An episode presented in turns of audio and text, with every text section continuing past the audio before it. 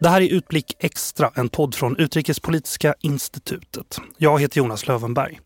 I Utblick Extra har vi chansen att vara mer reaktiva än i vår ordinarie utgivning av Utblick. Och det här avsnittet, precis som ett antal tidigare, gör vi med anledning av Rysslands fullskaliga invasion av Ukraina. Den här gången har vi lyckats samla en kunnig panel i studion för att hjälpa mig och er att bättre förstå det som pågår just nu. Jag har med mig Torbjörn Becker, chef för Stockholm Institute of Transition Economics, SITE. Välkommen Torbjörn. Tackar.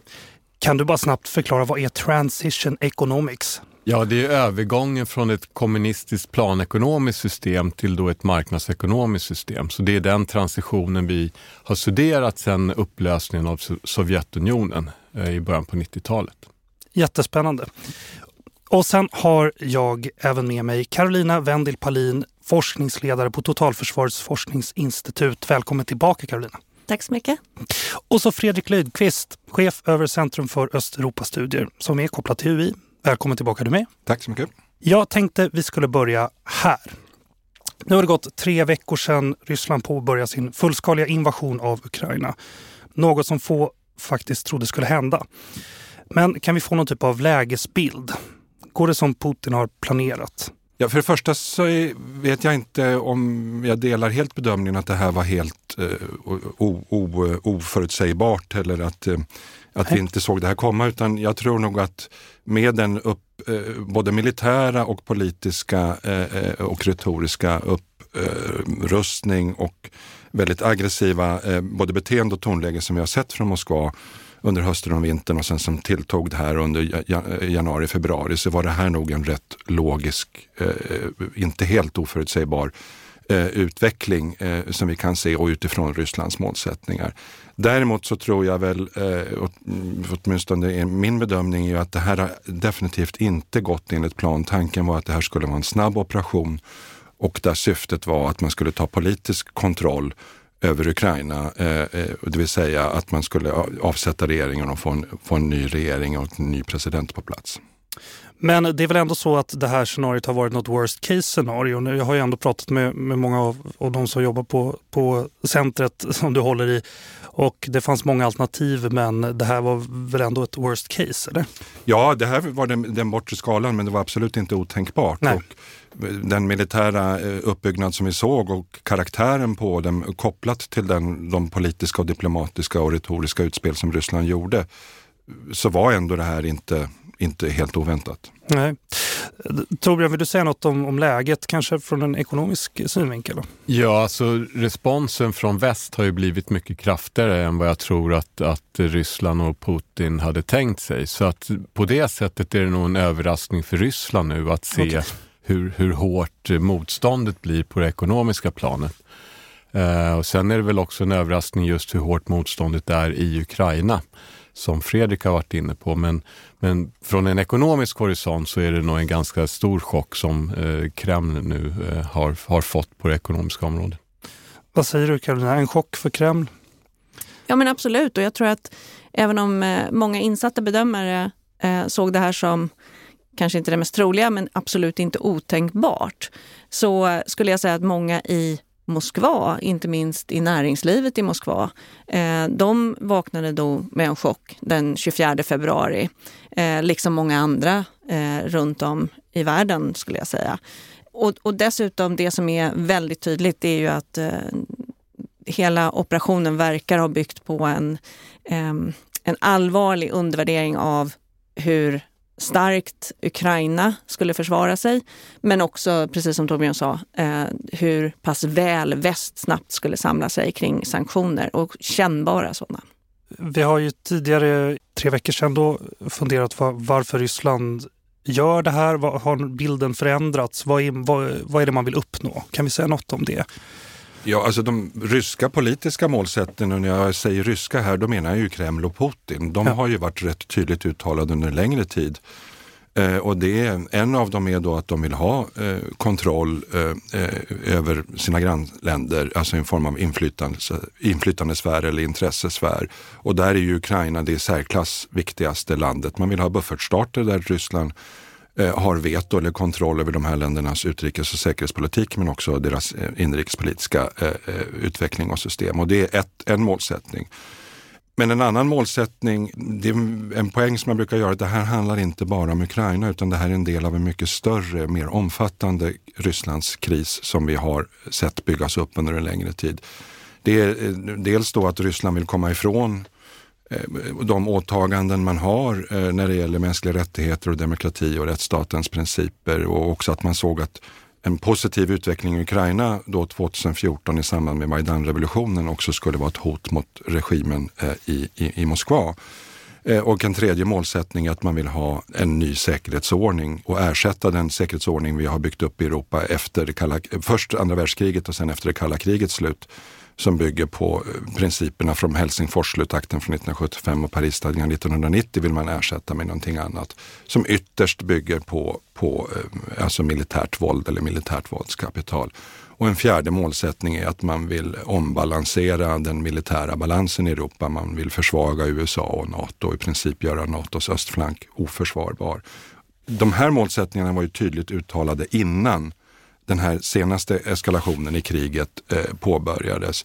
Nu går det ju aldrig som man har tänkt sig. Nu har planen mött en verklighet och verkligheten ser en annan ut. Och, eh, nu handlar det väl om att hur man från rysk sida åtminstone taktiskt och på kort sikt kan justera de här målsättningarna.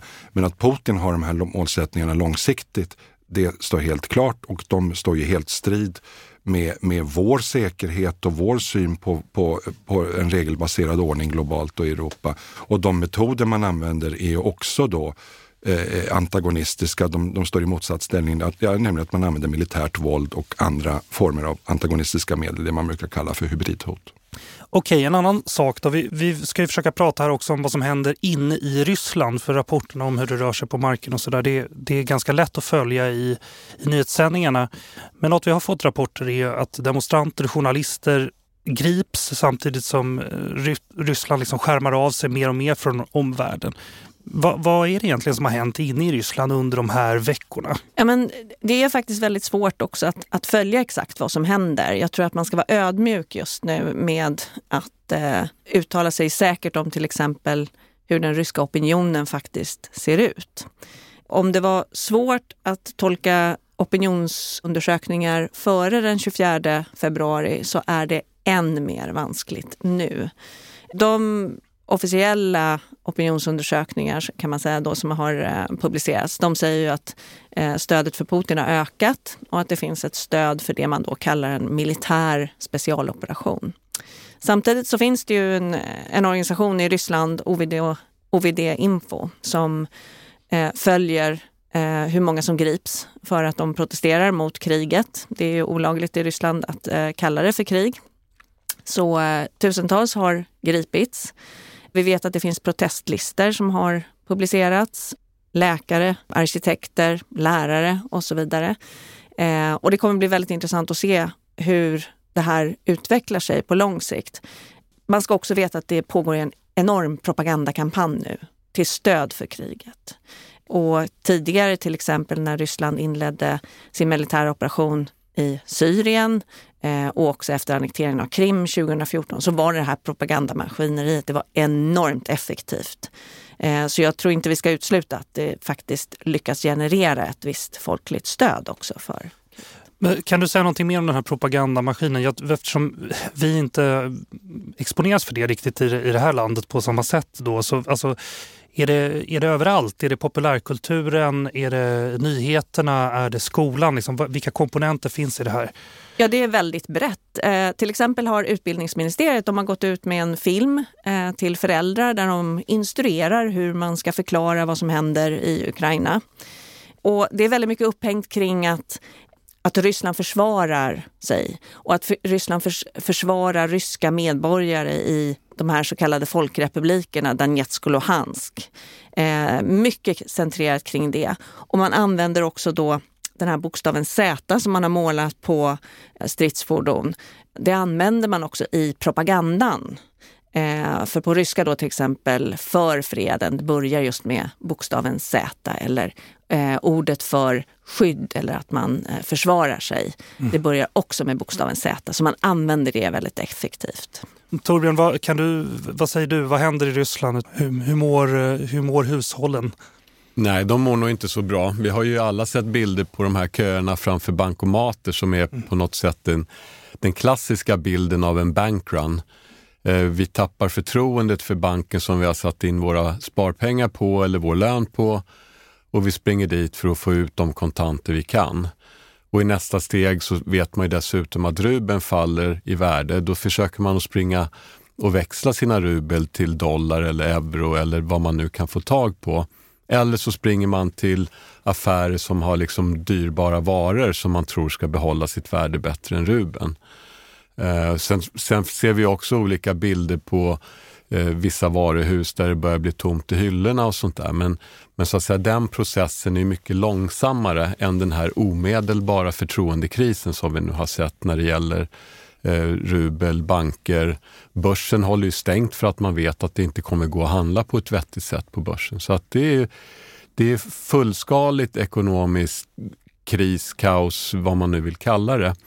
Eh, och sen är det ju lite för tidigt att veta vad, vad slutar det här ännu. Eh, kommer Kina kliva in och bistå på något sätt och vad finns det för andra alternativ? Men, men som det ser ut nu så tror jag ingen av oss skulle vilja vara ett ryskt hushåll och befinna sig i Moskva eller någon annan stad och, och försöka leva sitt medelklassliv, för det går kort och gott inte idag. Kan, kan det här gå, eh, kan det gå för långt? Alltså finns det någon tids... Eh, om, om, om kriget slutar om två veckor och sanktionerna lyfts, kan man rädda situationen eller blir det värre och värre ju längre tiden går? Ja, det är klart att det blir värre och värre. Vi ser ju redan nu att det är inte bara liksom de officiella sanktionerna som slår mot, mot rysk medelklass nu utan det är också att företagen från väst faktiskt lämnar självmant för att det blir ett, både ett moraliskt och varumärkesproblem att vara kvar eh, i Ryssland. Och som motåtgärd nu så pratar ryska myndigheter om att eh, expropriera tillgångar på ut, för utländska företag. Så att man har ju på något sätt sett till att man har tagit bort alla möjligheter att att kunna vända det här på någon kortare tidshorisont helt enkelt. Man ska ju också veta att eh, Putin han har byggt väldigt mycket av propagandan kring det han har att erbjuda, eh, kring att demonisera erfarenheterna från 90-talet. Hur väldigt svårt det var för många ryska familjer just på 90-talet. Och i själva verket är det ju det som man återupplever nu då, den här osäkerheten. Ja. Ja, nej, jag, det, det som händer med det ryska samhället nu det är dels att man är utsatt för en kraftig intern chock. Eh, den 24 februari vaknade befolkningen upp och befolkningen var inte förberedda på det. De befinner sig i krig, det kommer att komma döda och sårade soldater tillbaka. Familj, vänner och släktingar som, som, som utsätts för det här och den andra interna chocken då, som, som Carolina var inne på, att, nämligen att Eh, repressionen, det interna förtrycket har ju skrivits åt ytterligare och är ju nu på, på, på nivåer som man måste gå långt tillbaka in i Sovjettiden för att hitta motsvarighet till.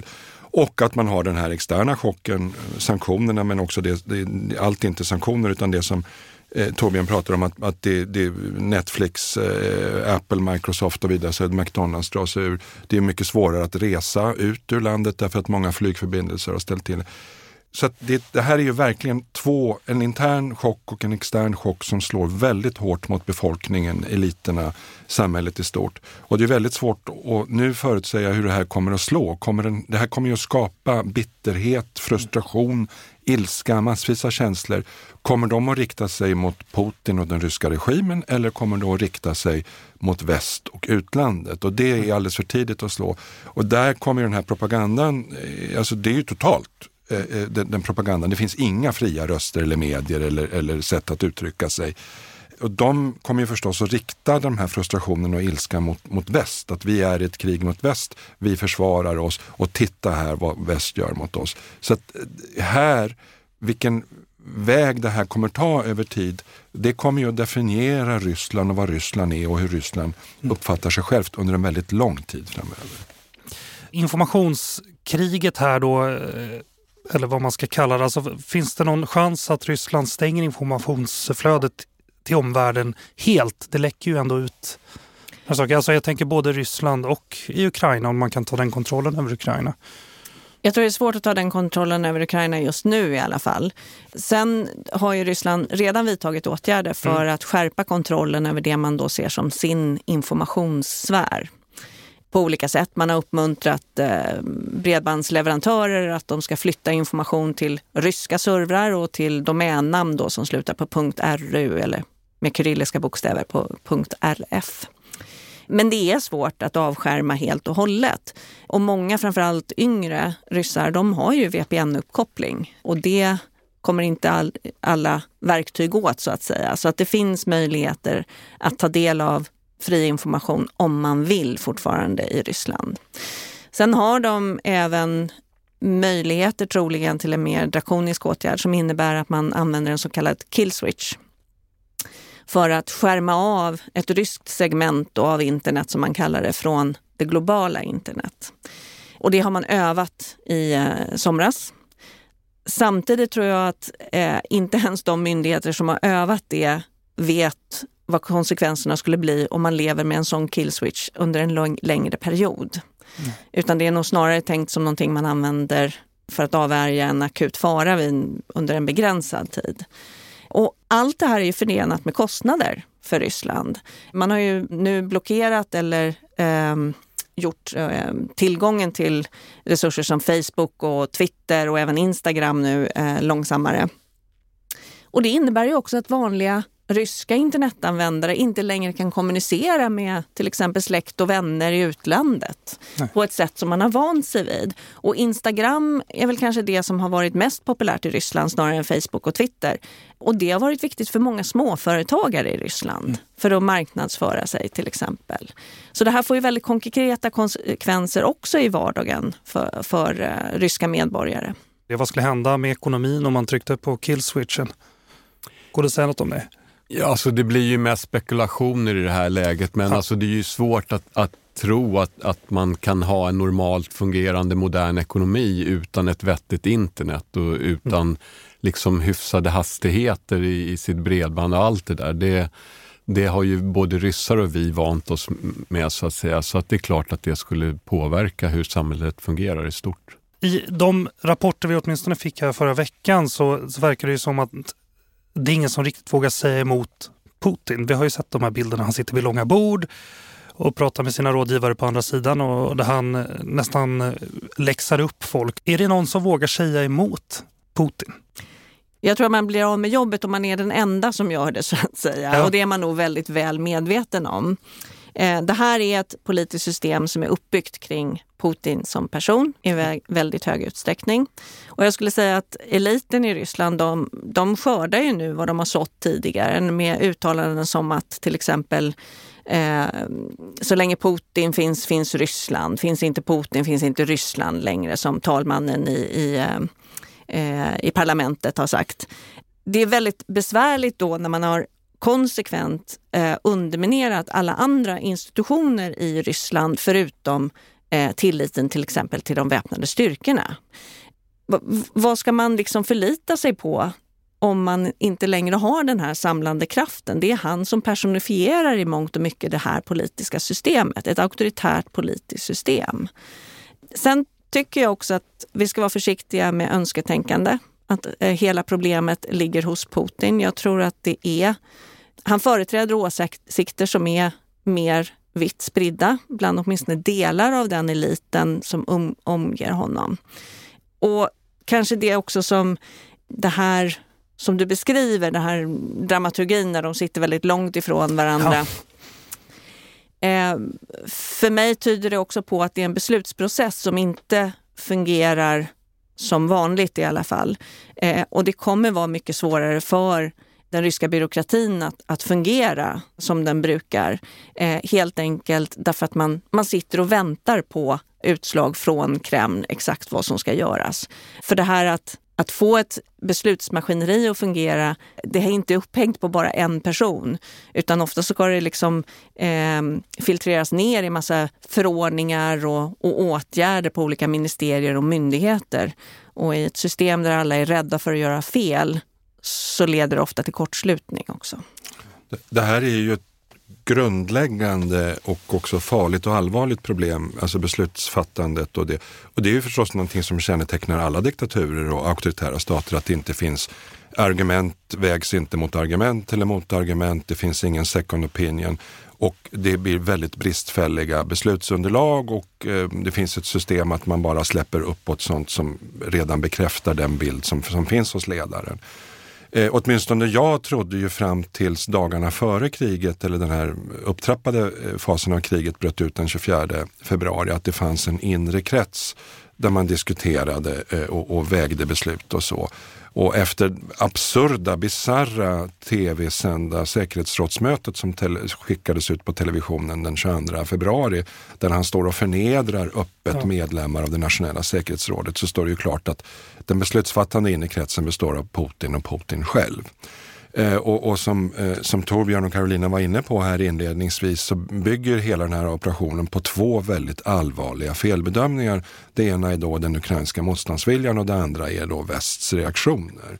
Båda de sakerna hade nog kanske inte varit så särskilt svåra att förutsäga. Att reaktionerna från väst blev så starka och så enade och så snabba som de blev, det tror jag nog alla blev överraskade Men att det skulle bli starka reaktioner, och det är det som gör den här situationen så farlig. Därför att Putin fattar beslut som bygger på eget önsketänkande och det finns liksom inget sätt, de mekanismer som finns i en öppen eh, demokratisk kultur, ett öppet demokratiskt samhälle med, med fria media, med, med opposition och där olika röster eh, eh, vägs mot varandra finns inte. Eh, det är populärt nu att spekulera kring Putins mentala hälsa och det tycker jag eh, det är liksom en ganska meningslös diskussion. För det första är, är få av oss som eh, är, är liksom psykiatriskt skolade för att göra några sådana. Och det allvarliga problemet, är, det, det farliga är faktiskt inte att han är, är mentalt instabil utan det kanske är så att han är fullt rationell och utifrån de premisser och sin egen världsåskådning och sina egna mål så agerar han fullständigt rationellt. Men det finns ingen eh, rationell beslutsfattande process och beslutsunderlagen och bedömningarna är felaktiga. Och det skapar ju en väldigt, väldigt farlig situation därför att han förutser inte konsekvenserna av, av sina egna beslut. Jag min nästa fråga hade jag skrivit, hur ser beslutsvägarna ut? Men eh, det är väl kanske det vi har svarat på då, att de är obefintliga eller? Ja, eller jag tror att alla sitter och väntar på signaler och försöker tolka signaler från, från Kreml eller från presidentadministrationen. Men som sagt, om man inte ens vågar träffa sina närmaste ministrar och sätta sig runt ett normalt bord, mm. då har man inte, skulle jag säga, en fungerande beslutsprocess.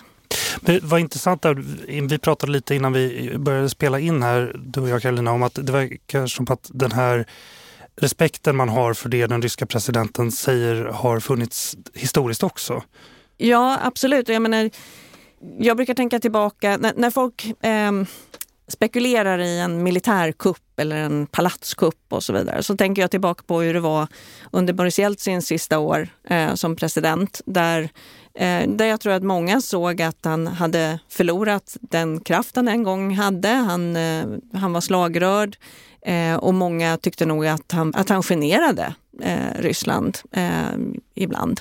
Men ändå var det ju som att alla väntade på hans signal. Ända tills den dag när han faktiskt tillkännagav att han avgår. Och det får mig att tänka att många kommer att reagera så också nu kring Putin. Den här frågan har ju ställts förut, men eh, jag vill höra vad ni tänker nu när vi har kommit så, lång, så här långt vi har det här. Alltså hur påverkar det här kriget Putins ställning då? Det är ju ändå val 2024 och så. Vad, säger du Fredrik? Ja, eh, alltså, internationellt sett så är det ju svårt att se att Putin eh, är, eh, att se något annat. Putin är en paria eh, och han kommer att förbli det. Så det är svårt att se att han kommer att kunna återuppta någon som helst form av normala politiska kontakter med, med, i varje fall väst eller den demokratiska världen. Inrikespolitiskt så är det lite för tidigt att säga. Eh, om man ska försöka att hitta möjliga förändringsfaktorer så kan ju liksom missnöje, protester bland befolkningen i stort vara en av dem. En annan eh, möjlig eh, eh, förändringsfaktor skulle ju vara liksom så att eliterna, någonting som möjligtvis skulle kunna leda till en palatskupp som, som Carolina var inne på är ju en annan sån. Eh, och, en, en, tredje, är inte att militären skulle göra uppror, för det tror jag inte på. Det har aldrig funnits någon sån tradition i Ryssland eller Sovjetunionen att militären i sig utgör en egen politisk kraft. Men man kan få eh, problem med eh, alltså stridsmoralen, man kan få ordervägran, det är saker som inte går som de ska i, i Ukraina. Man kanske inte kommer att vilja gå in i närstrid där eh, ryska ryskspråkiga soldater ska döda ukrainska ryskspråkiga civila eller soldater och så vidare. Så det kan de Och jag tror, eh, eh, det är svårt att se någonting annat än att på sikt att det här skulle vara något annat än början på, på slutet på Putin, men det kan ta lång tid. Alltså val 24, alltså Ryssland är nu en diktatur. Putin är en diktator. Det är klart att de möjligtvis kommer att genomföra någon procedur som de sätter etiketten val på, men det har ju egentligen ingenting med fria val på. Så att förändring, förändringarna kommer inte att komma genom val, utan de kommer möjligtvis komma på andra sätt. Det kan dröja väldigt lång tid. Det kan också komma, och det lär oss historien, snabbare och på oförutsedda sätt som, som, än, än vad vi anar. En sak som vi liksom brukar titta bort från är ju ändå att ekonomin spelar roll för hur populär Putin är som president. Och sorterar man ut sånt här som Kriminvasionen och andra extremevent så är det även så i Ryssland att ju bättre det går för ekonomin desto populärare är presidenten. Nu har han satt ekonomi i fritt fall. Visserligen samtidigt då som han har krigsretoriken men som vi såg efter Krim eh, annekteringen så, så försvinner ju så att säga de bonuspoängen man kan få av, av såna här externa eh, aktioner, det försvinner efter ett tag och då blir det tillbaks att ekonomi spelar roll. Så om, om det fortsätter på det viset så han kommer definitivt vara mindre populär än vad han har varit. Men som Fredrik säger, det handlar ju inte om ett val 2024 så frågan är om det spelar någon roll.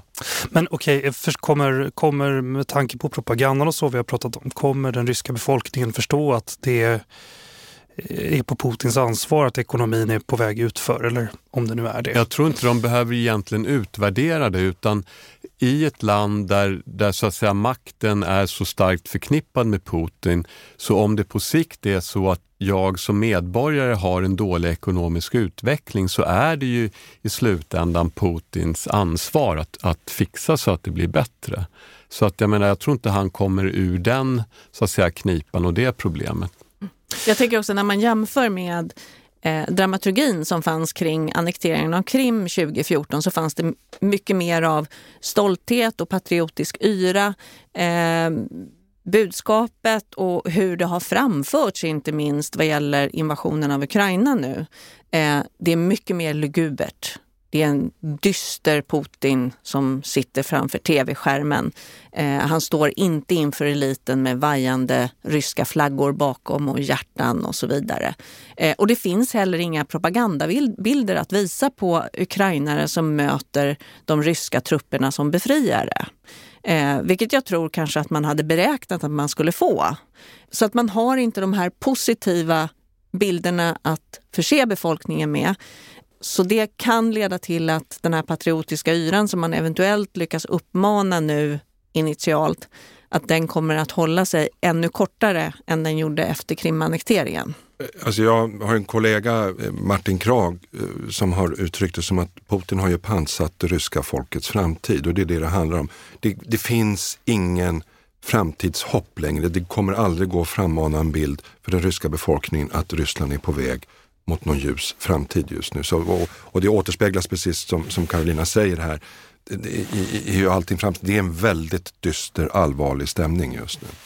Och apropå det då, det, det riktas ju kraftiga sanktioner mot Ryssland. Skulle, Torbjörn, skulle du kunna säga någonting om hur de här sanktionerna är konstruerade? Liksom, vad, vad, är det, vad går de ut på? Ja, man har ju börjat med att rikta in sig mot finanssystemet. Och det är ju lite som om man vill ta analogin med, med att det flyter en flod som är liksom intäkterna från olja och gas mot det man importerar. Det är liksom floden. Men mitt i floden så finns det en damm och det är det finansiella systemet. Och nu har man gett sig på med sanktionerna den här stora dammen som ju på en gång frigör mycket större flöden än vad så att säga strypa gas och, och oljeintäkter skulle göra. Så att man sätter hela det här finansiella systemet i gungning.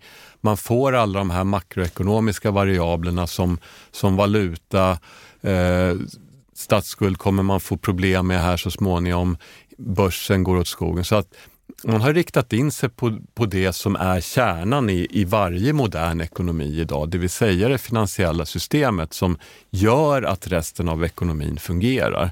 Men om, om vi kan ta något mer eh ska säga, ett exempel, vad, för, för, förklara för oss lekmän, liksom, ja. vad, vad faktiskt är det man säger nej, vad är det man faktiskt nekar Ryssland? Kan du ge ett exempel? Får man inte köpa bananer? Får man inte köpa Ja, precis. Nej, men Då är det ju så att, att det man har siktat in sig på det är att man har sagt att de ryska bankerna inte får handla eller vara aktiva på den internationella finansmarknaden. Så vi som sitter utanför Ryssland kan inte låna ut pengar till ryska banker, vi kan inte göra transaktioner med ryska banker. Sen är det då den här skillnaden mellan att man fryser tillgångar för bankerna eller hindrar dem att, att göra, ta upp lån som är en del av paketet. Den andra är ju den här mer tekniska aspekten av Swift som är det här meddelandesystemet som gör att man kan ha transaktioner i stora volymer på ett säkert sätt. Och där har man ju då inte tagit med Sberbank och Gazprom Bank för att man vill kunna se till att Ryssland ändå kan handla just olja och gas med, med väst fortfarande. Så att det är liksom de två komponenterna. Men, men vad det ändå innebär är ju att alla finansiella transaktioner med Ryssland nu, om man sitter i utlandet, blir problematiska. Finns det någon tidsbegränsning på sanktionerna? Vad, vad, har man sagt är slutdatum eller vad man säger? Finns det något sånt? Nej, det finns ju inget slutdatum så länge kriget pågår. Hur ser motkraven ut och när lyfter man sanktionerna? Går det att säga det att det finns ett tydligt krav? Eller? Ja, det tydliga kravet är ju att sluta och, och liksom kriga i Ukraina och sen exakt hur man har definierat det, det kan jag faktiskt inte uttala mig om. Men, men det är klart att man inte kan bomba Kiev och bli av med sanktionerna. Nej, förlåt, du skakar på huvudet Fredrik. Vad... Nej, nej det, det, här är ju väldigt, sanktioner som man i sig hade nog förberett under en viss tid också. Det fanns en samordning. Och de sanktionerna ser lite olika ut på vem det är som utför dem. Alltså EU har ju mm. sina sanktioner, USA sina, eh, Storbritannien sina och sen finns det Kanada och Norge och Japan och, och Singapore och andra. Eh, och de här är utformade på lite olika sätt och det är liksom olika sanktionspaket också så att de, mm. de, de ser lite olika ut. Men eh, nej, det finns ju inga tydliga liksom, kriterier för att när man ska lyfta dem och så vidare. Och det här kommer ju att bli en besvärlig fråga så småningom Eh, när man kommer till vapenstillestånd i Ukraina och i utbyte mot vad ska man byta, eh, ska man lyfta vilka sanktioner och så. Eh, och det hänger ihop med hela den större frågan, vad, vad är en eh, jag vill inte använda ordet lösning, men man kommer behöva förhandla om någonting så småningom och vad kommer det innehålla? Och då måste vi ha klart för oss att vad som än händer, alltså det rimliga kriteriet för att, att lyfta sanktionerna det var ju att Ryssland ska dra sig tillbaka helt från, från, från Ukraina militärt eh, eh, eh och, och, inklusive att Krim och, och Luhansk och Donetsk blir be, befria och, och, och, Ukraina kan utvecklas till ett suveränt fritt land och göra egna val. Det, något sånt scenario just nu är det ju väldigt svårt att se och därför är det också svårt att se att sanktionerna kommer att lyftas. Men det kommer ju bli en väldigt besvärlig politisk förhandling mellan Ukraina och Ryssland och mellan väst och Ryssland om, om möjliga vapenstillestånd och möjliga vidare diplomatiska och politiska förhandlingar så småningom. Och då kommer, blir sanktionerna en del av den ekvationen. Jag tror också att, eh, att den ryska politiska ledningen har gått på sin egen retorik här lite grann. Att man, man har ju nästan kunnat sälja in vad som helst i termer av repressiv lagstiftning så länge man sätter ordet suverän framför den. Mm. Och i själva verket så är Ryssland mycket mer integrerat både ekonomiskt men också teknologiskt med västvärlden än vad jag tror Putins rådgivare har berättat för honom. Så det är ju även en fråga om ett teknologiskt beroende som, som kommer att vara besvärligt för Ryssland nu när man inte längre eh, får reservdelar och service och uppdateringar från eh, västerländska producenter det dyker upp flera problem här. Som, alltså hur väl fungerar sanktioner då egentligen? Sanktioner är ju ett instrument eh, som man till, det är ju ett tvångsinstrument och som är ett juridiskt och politiskt instrument som man tillämpar för att ändra ett beteende så att säga och då kan man ha en diskussion om hur, hur effektivt det är och vilka resultat. Men sanktionerna är också en del av ett säkerhetspolitiskt signalsändande och också att man bygger en, en avskräckningspolitisk och ekonomisk avskräckningsförmåga över tid.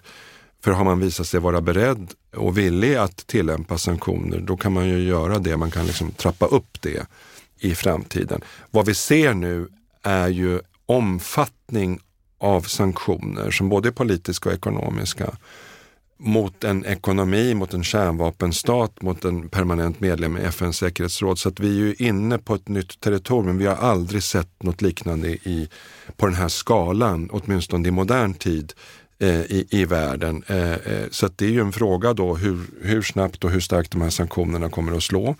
Och det är väldigt svårt att se annat att det här kommer att ha väldigt dramatiska effekter på rysk ekonomi och levnadsstandard och, och, och, eh, och så vidare och avskärmning från omvärlden. Men, och sen är nästa fråga, vad kommer det sen att få för politiska konsekvenser? Men det här var ju ett nödvändigt sätt för att, att, att reagera, markera mot, mot Rysslands brott mot, mot folkrätten och, och den europeiska säkerhetsordningen. Jag tänker det här du sa tidigare att det finns olika sanktionspaket, olika aktörer har olika sanktioner.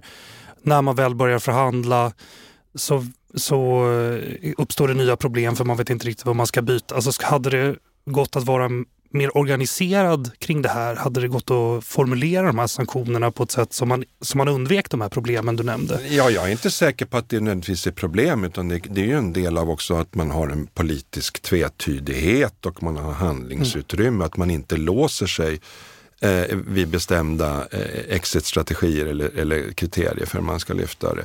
Jag måste säga att de här sanktionspaketen var ändå förvånansvärt väl samordnade okay. mm. och kom eh, snabbt och så. Och sen är vi har olika beslutsprocesser i USA och EU för hur man utfärdar eh, sanktioner.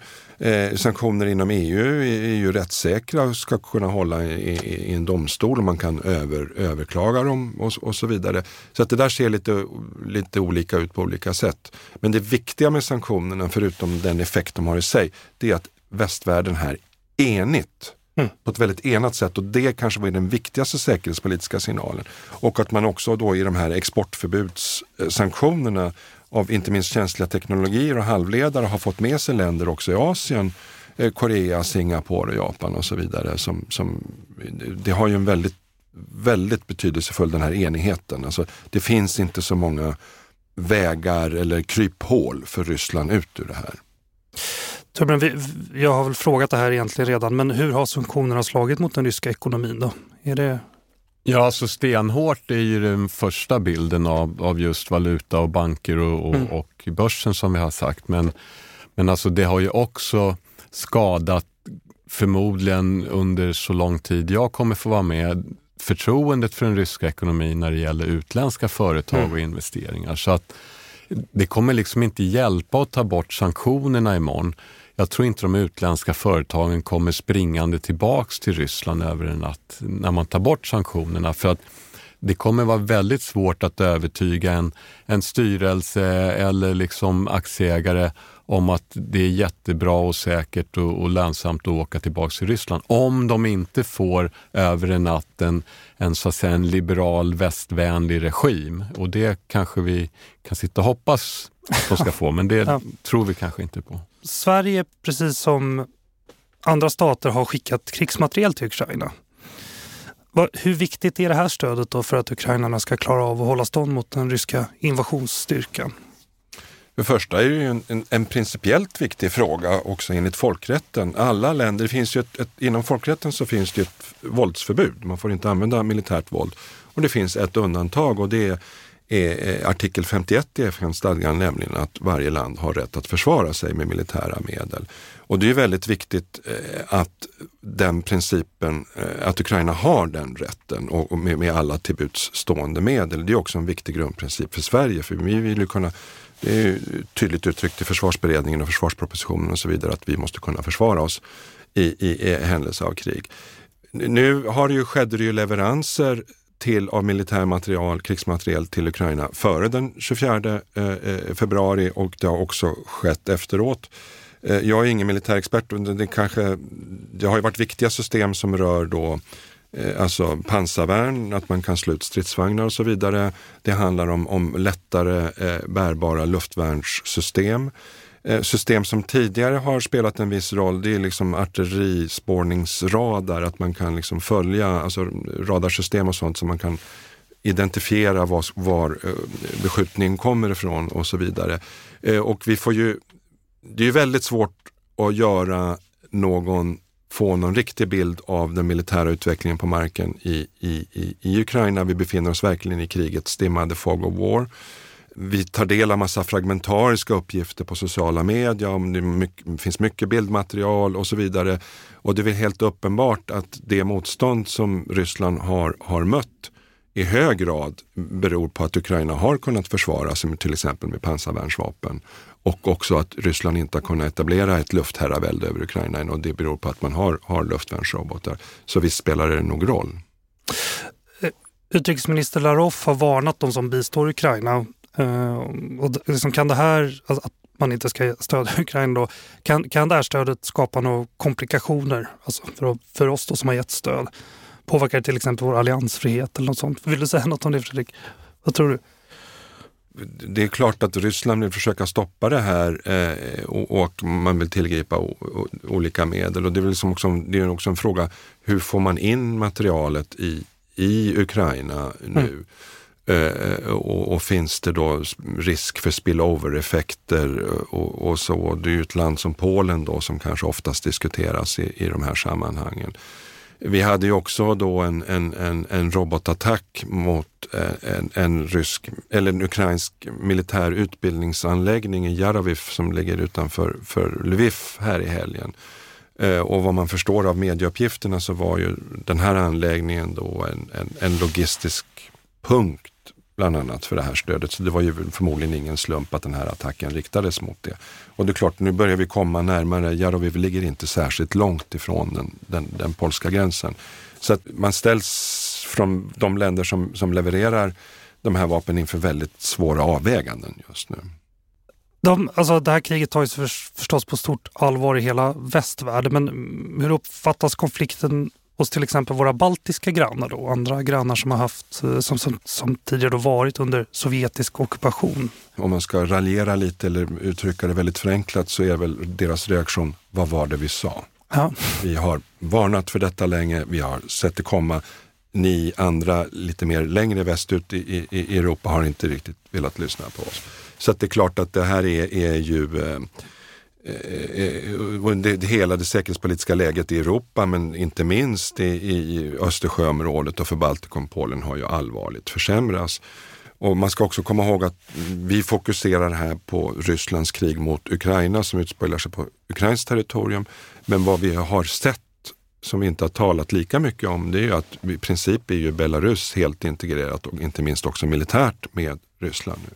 Och det här innebär ju att, att omfattande rysk ryska militära installationer och vapensystem nu kommer direkt till den litauiska gränsen och också det här då så kallade Sovalkegapet, alltså det som gäller mellan Kaliningrad och, och Belarus, där då Polen och Litauen har landgräns med varandra. Och vad man nu hör ofta i analysen och, och som framförs från, från baltiska eh, eh, eh talespersoner är ju att Baltikum är det nya Västberlin. Det är liksom oförsvarbart i sig så att säga, utan man, måste, man är beroende av tillförsel och stöd västerifrån i NATO. Och kan då Ryssland klippa av den här landkorridoren mellan Polen och Litauen, så så försämras ju situationen för Baltikum eh, oerhört. Så att det är klart att det, det måste vara förenat med, med, med en rädsla och oro det som händer nu. Och, och, det har ju också företrädare för svenska regeringen sagt att det, liksom det säkerhetspolitiska läget i Europa och vårt närområde är ju kraftigt försämrat. Härom, härom veckan så, så träffades utrikes, eh, den ryska utrikesministern och den ukrainska utrikesministern första gången. Vad finns det för förutsättningar för en diplomatisk lösning på den här konflikten? Just nu ser det ju inte så bra ut. Och det är ju också frågan om vad det kommer att kosta Ryssland? Vad, vad kommer det att kosta Ukraina? Vad är överhuvudtaget möjligt att gå med på? Men bara det faktum om man kunde få till stånd ett eldupphör skulle ju vara en, en vinst naturligtvis och rädda liv. Däremot att se att man skulle kunna förhandla fram någon lösning är, är, är svårare skulle jag säga. Eh, och jag tänker på eh, en ukrainsk företrädare som efter annekteringen av Krim då, han satt i en panel och så var det en, en rysk eh, företrädare som föreslog att nu skulle man skriva ett avtal och lösa den här situationen och skulle man gå vidare i sin relation med varandra. Och då säger ju ukrainaren, men jag, jag uppfattade ju att vi hade ett avtal. Mm. Hur, hur skulle man sluta ett avtal som på något sätt båda sidor skulle känna förtroende för i detta läge? Det tror jag är en knäckfråga framöver. Ja, alltså en, en, lösning kanske är fel ord för att det är mm. svårt att se en, en, en, hållbar politisk lösning på den här konflikten som innebär någonting annat än att Ryssland drar sig tillbaka och börjar respektera folkrätten eh, och, och, lämnar Ukraina och låter Ukraina utvecklas till ett fritt land. Och det är ju väldigt svårt att se ett sådant scenario just nu med annat än att, att man skulle få ett regimskifte i Ryssland eller att Ryssland skulle kollapsa totalt. Eh, däremot så kan man ju då hitta temporära diplomatiska lösningar till exempel för, för ett eldupphör eller liksom humanitära eh, lösningar och sådana saker. Men så ska man ju komma ihåg att det här är ett krig som inte började den 24 februari i år. Det här är ett krig som började på våren 2014 och det fram till den 24 februari så hade det dött över 14 000 människor. Och det fanns då eh, diplomatiska politiska ansträngningar i de här så kallade Minsk, Minskpaketet eller Minskprotokollen där Ukraina tvingades till allvarliga eftergifter i en sån här förhandlingslösning och som också egentligen byggde på att man skulle acceptera lösningar som egentligen var helt i strid med folkrätten och grundläggande principer från oss och så vidare. Eh, och, och, det ledde ingenstans utan det ledde bara till en ny eskalation i kriget. Så att jag tror till dess att Ryssland uppfattar att man har uppnått sina politiska mål så kommer det inte att finnas någon hållbar säkerhet. Eller att, att Ryssland så att säga eh, förlorar eller liksom ger upp eller kollapsar på något sätt. Så det här är inget problem. Det finns inga snabba lösningar på det här. Och som jag brukar säga, eh, den, det Rysslands problem vi har, det Putin problem vi har, det är ett problem som inte kan lösas så länge Putin sitter kvar. Det är ett problem som vi måste hantera på olika sätt. Eh, och, och, ska man komma överens vid ett förhandlingsbord om någonting, då krävs det ju antingen att man har en militär, ett militärt avgörande, att det är helt uppenbart att Ukraina måste kapitulera. Och då, då kan man förhandla sig fram till någonting. Eller att Ryssland, den ryska militären kollapsar. Men såvida det som händer nu, det är ju Ryssland bedriver ett slags utnötningskrig nu så är det svårt att se att innan någon av sidorna får ett tydligt övertag eller så, så är det så finns det nog inte så mycket att, att, att, förhandla om. Men däremot så kanske det är viktigt för båda sidor nu att man engagerar sig, testar och, och börjar prata med varandra. Men jag tror att vi ska inte ha några förhoppningar om några, några snabba lösningar. Hur ser Rysslands krav ut? De har ju ställt upp ett antal krav. Kan ni säga något om dem? Vad, vad har det varit? Ja, men det, man vill ju politiskt kontrollera Ukraina ja. och, eh, och man vill precis som Fredrik inledde med. Man vill förändra säkerhetsarkitekturen i Europa. Eh, och inte minst minska USAs närvaro i Europa. Och om man tittar på var man befinner sig nu jämfört med före den 24 februari så är man ju egentligen längre ifrån båda dessa mål eh, mm. ur Moskvas synpunkt. Då. Så det gör ju också det mer otroligt att att Putin skulle vilja sätta sig ner och, och förhandla. Eh, därför att han har nu ingenting att visa upp för sin befolkning eller för sin elit som framgångar i det här väldigt kostbara kriget för Ryssland.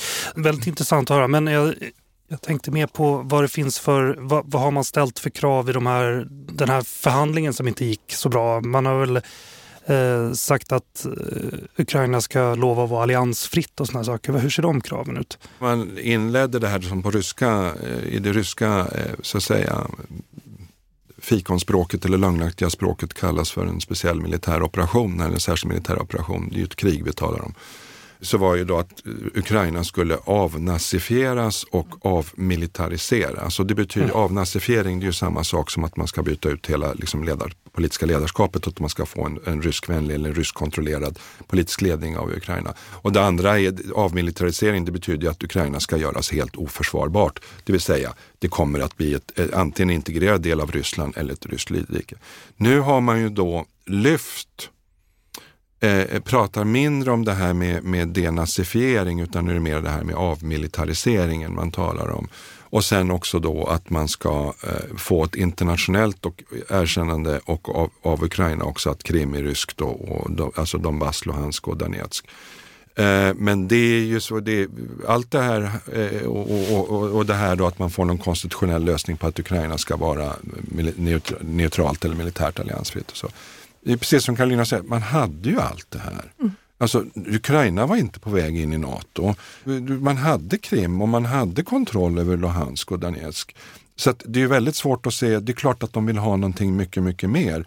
Eh, och som minimum att behålla det som man nu har upprättat, alltså det man har tagit militär kontroll över. Och, och här är, mycket kommer ju avgöras på slagfältet tyvärr här och det handlar ju om, kom, kommer man att gå vidare mot, mot alltså Odessa och Kiev, tror man att man kommer att kunna vara framgångsrik med det och så vidare. Så att innan det har lösts ut militärt på slagfältet så tror jag det är svårt att se att, att Ryssland skulle vara berett liksom, att sätta sig ner eh, och, och, och, eh, och, och göra någon form av, av, av åtminstone temporär uppgörelse. Och samma sak så har jag ju svårt att se att, att Zelensky skulle kunna eh, genomföra någonting som i praktiken skulle vara en kapitulation av Ukraina. Om det inte så att man verkligen står inför en, en, en, en, en där man måste böja sig för det militära våldet som, som Ryssland genomför. Går det att göra någonting då för att trappa ner, du är inne på det lite, men att trappa ner aggressionen och återgå till den tidigare europeiska säkerhetsordningen och få koll på den? Vad är det som behövs tror du? Ja, om man ska sätta en övergripande rubrik på det så är det ju ansvarsutkrävande på något sätt. Alltså Ryssland ja. måste hållas ansvarigt för det här och det måste finnas ett pris att betala för det här. Och det är det ena eh, och, och att de åtminstone inte att det man har försöker nu uppnå med militärt våld på något sätt legitimeras eller belönas eller accepteras. För då, då finns det liksom ingen ände på, på det om man börjar göra av, avsteg från de här principerna. Eh, men sen är det ju precis som, som Carolina alltså var inne på, så Ryssland har ju kommit längre och längre från sina mål. Mm. USA är starkare militärt närvaro i Europa än någonsin. Man trappar upp, man förstärker Natos östflank. Västs enighet är starkare än någonsin. Och det finns väl kanske ingen som på så kort tid har gjort så mycket för att bidra till det ukrainska eh, eh så att säga, nationsbygget och nationella identiteten som Putin. Han, alltså, alltså Ryssland, det ukrainska folket och det ukrainska samhället kommer inte under någon som helst förutsägbar framtid att kunna se Ryssland som en naturlig allierad eller som, som, som, som en vän. Ja, och som eh, militäranalytikern eh, Alexander Goltz har sagt att eh, Nato borde ju resa en staty till Putins ära i, i Bryssel för han, han har ju lyckats ena Nato som har varit väldigt splittrat och famlat efter en roll. Och nu plötsligt så så vet man vad man har för roll.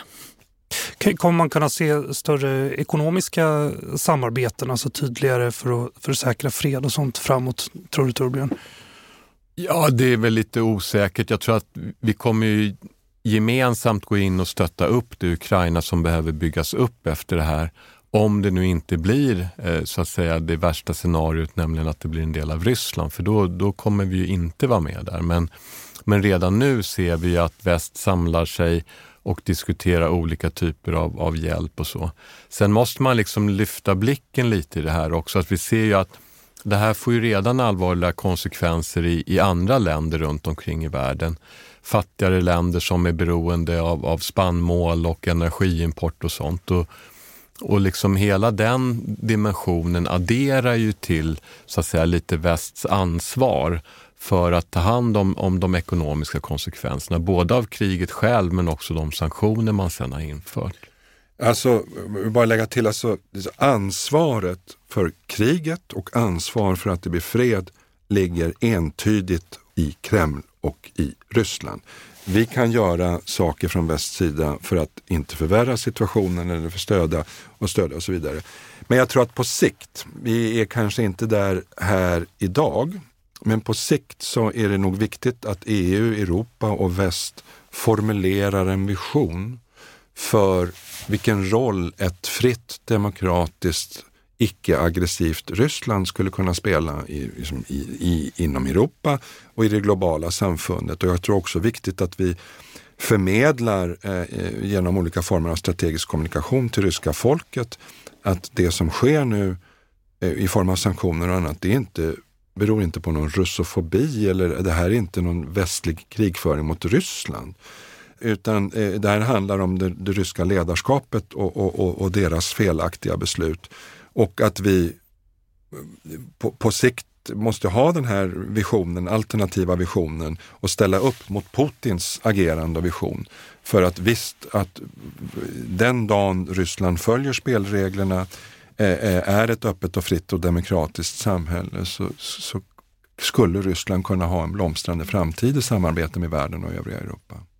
Men, men hur förmedlar man det till den ryska nationen då om, om om Ryssland stängs liksom från Ja, det är en, väldigt, det är en väldigt svår uppgift.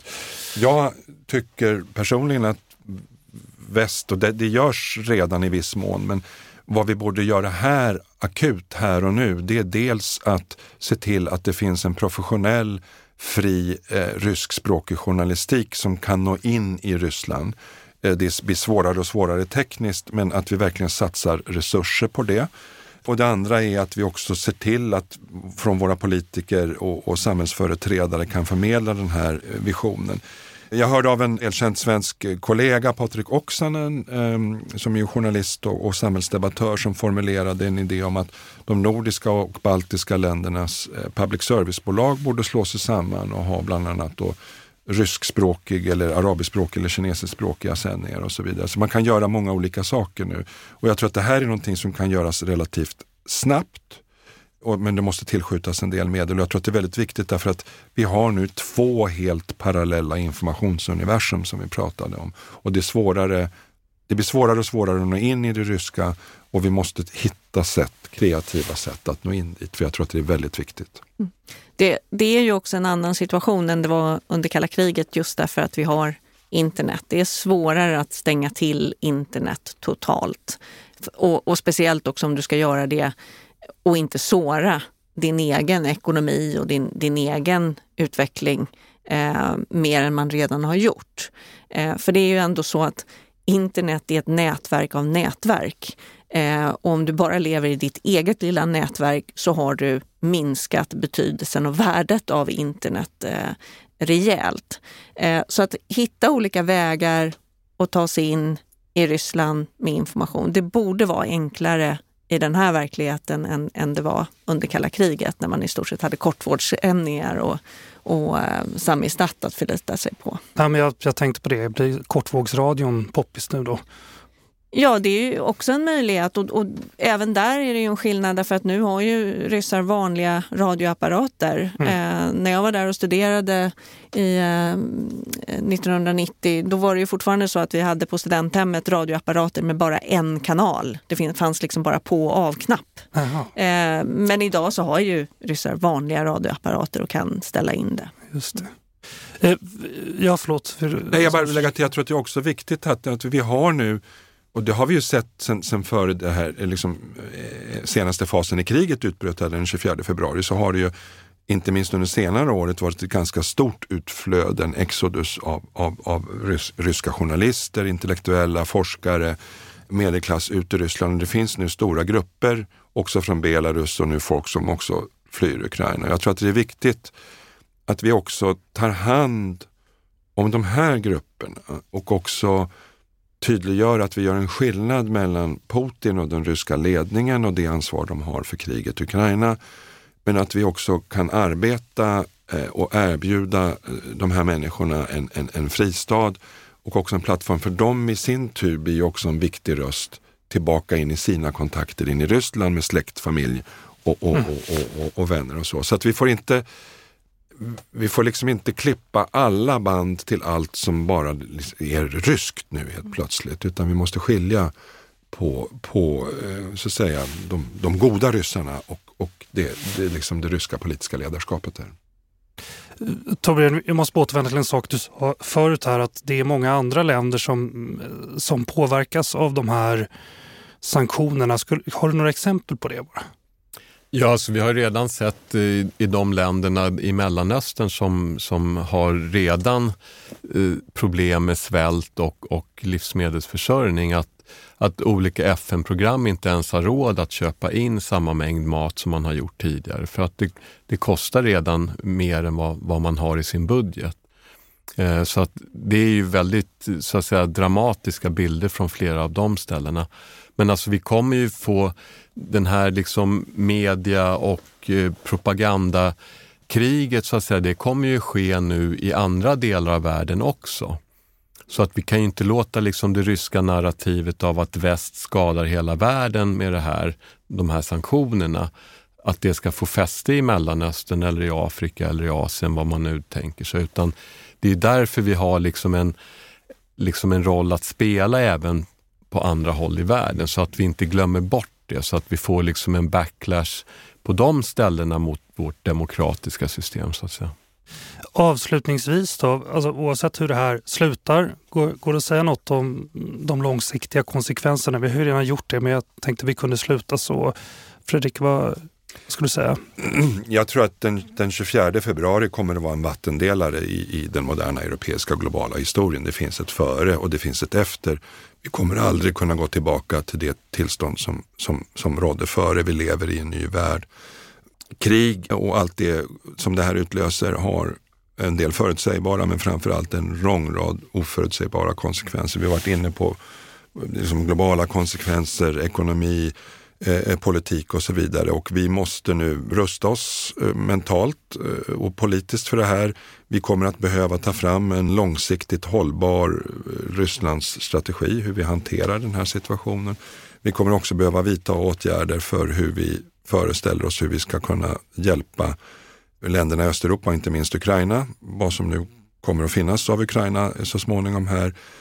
För det här kommer också, vad vi gör här och nu och framöver kommer också definiera oss. Vad är Europa? Och du pratar inte bara om EU. Vad är, vad är, vad är Europa? Vilka är vi? Vad är det europeiska projektet? Alltså för 30 år sedan talade jag om Europe Whole Free and at Peace. Och jag tycker det är en väldigt viktig vision att hålla fast i även om det idag ser väldigt eh, dystert ut. Men det som händer nu kommer att ha långsiktiga och långtgående konsekvenser. Torbjörn, vad säger du? Vad, kan man säga någonting nu om de långsiktiga konsekvenserna? Du har ju sagt en del saker. Ja, alltså jag tror att eh, Ryssland har ju ett mycket besvärligare långsiktigt läge än vad vi kommer ha. Vi har ekonomiska resurser och institutioner och annat att hantera de potentiellt och mer, mer liksom kortsiktiga problem som vi nu har med ökade energipriser och, och råvaror och sånt. För att vi kan få igång en produktionsapparat och göra omställningar som minskar vårt beroende av Ryssland. Men Ryssland kommer inte på något enkelt sätt kunna ersätta alla de kontakter de nu förlorar ekonomiskt.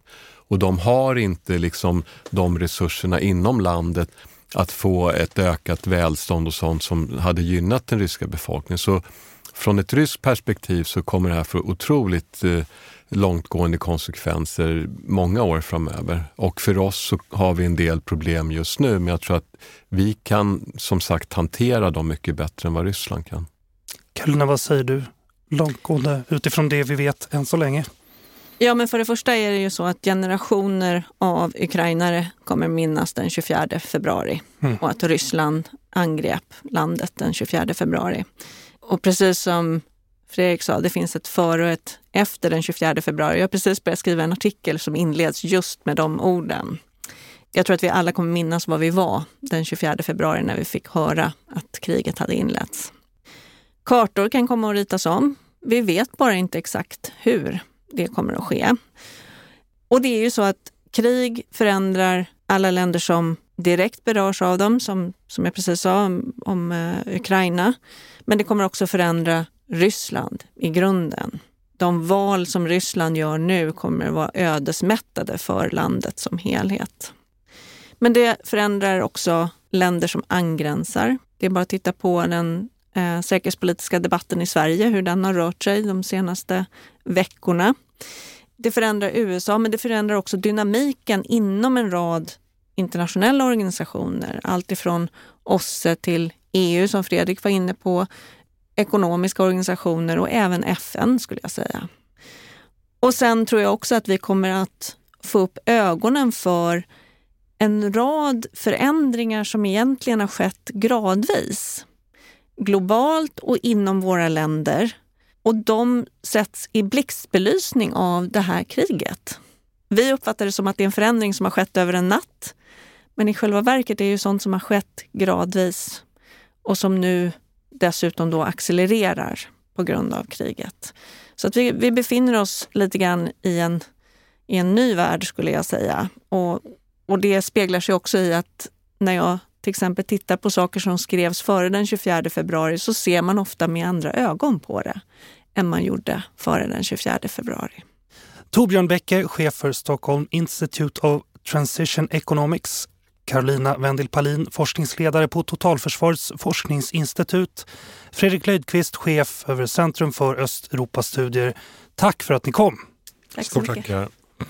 Nu har du lyssnat på Utblick Extra, en podd från Utrikespolitiska institutet. Glöm inte att kolla in vår ordinarie utgivning av Utblick som du också hittar där poddar finns. I kontrollrummet sitter Raul Berggren Ek. Jag heter Jonas Lövenberg. På återhörande.